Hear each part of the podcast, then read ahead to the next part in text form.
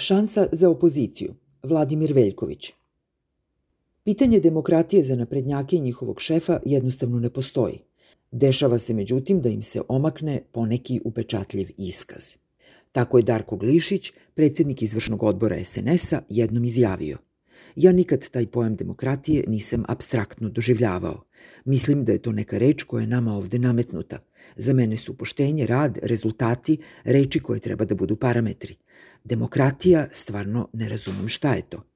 Demokratija je više fraza koja nam je nametnuta s polja i koja mlati kogod stigne.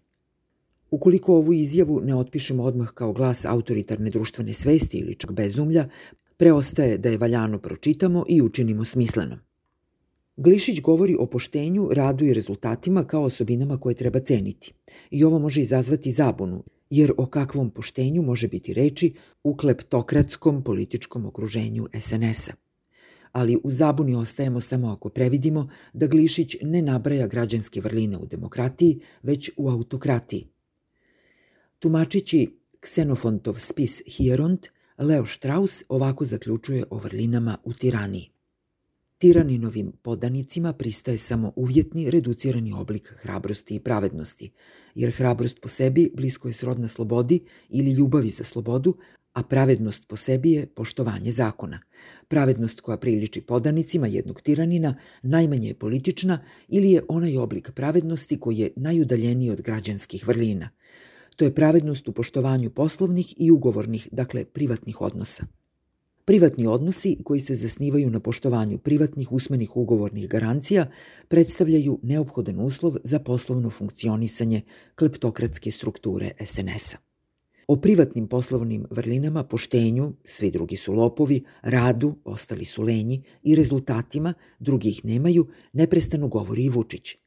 I te vrline mogu biti prikladne kada su u pitanju dogovori o stranim ekonomskim investicijama, pa i onima koje dolaze iz Evropske unije. Ipak odnosi sa EU sadrže i politički paket koji Vučić neće moći da ispuni s obzirom da ne poseduje građanske vrline, hrabrost kao privrženost političkim slobodama i pravednost, poštovanje zakona. Tako da će ih suzbijati i kod ostalih građana Srbije. Drugi deo Glišićeve izjave, gde on tvrdi da je demokratija fraza nametnuta s polja, ima smisla isključivo u kontekstu pridruživanja Srbije Evropskoj uniji. Iako Glišić smatra da je demokratija za Srbiju nešto strano, on nehotice tačno pogađa suštinu procesa pridruživanja kao jačanja demokratije. Suštinu pridruživanja je zanemarila i Evropska unija, ali se ono i dalje formalno sprovodi iz najmanje dva razloga. Pod jedan, Zahvaljujući ulozi briselske demokratije u ostvarivanju tog procesa, ono je ujedno i objašnjenje zašto se ugledne domaće nevladine organizacije nameću kao partneri u političkom procesu, pokušavajući da birokratskim sredstvima uljude Vučićevu autokratiju. I pod dva, zbog neosnovane nade država članica Evropske unije da će nedemokratska srpska vlast rešiti otvorena pitanja između Srbije i Kosova. Vučić je u vezi s pitanjem Kosova nešto uradio. Potpisao je briselski i vašingtonski sporazum, a dijalog sa Prištinom se uz povremene zastoje ipak nastavlja. Međutim, do trajnog rešenja spora ne može doći, usled nepremostive teškoće koja se sastoji u tome da je autokratskom poredku uspostavljenom u Srbiji naprosto nemoguće ponuditi evropsku perspektivu. Budući da je suština procesa pridruživanja u konsolidovanju demokratije, a ne u konsolidovanju lične vlasti i takmičarskog autoritarizma.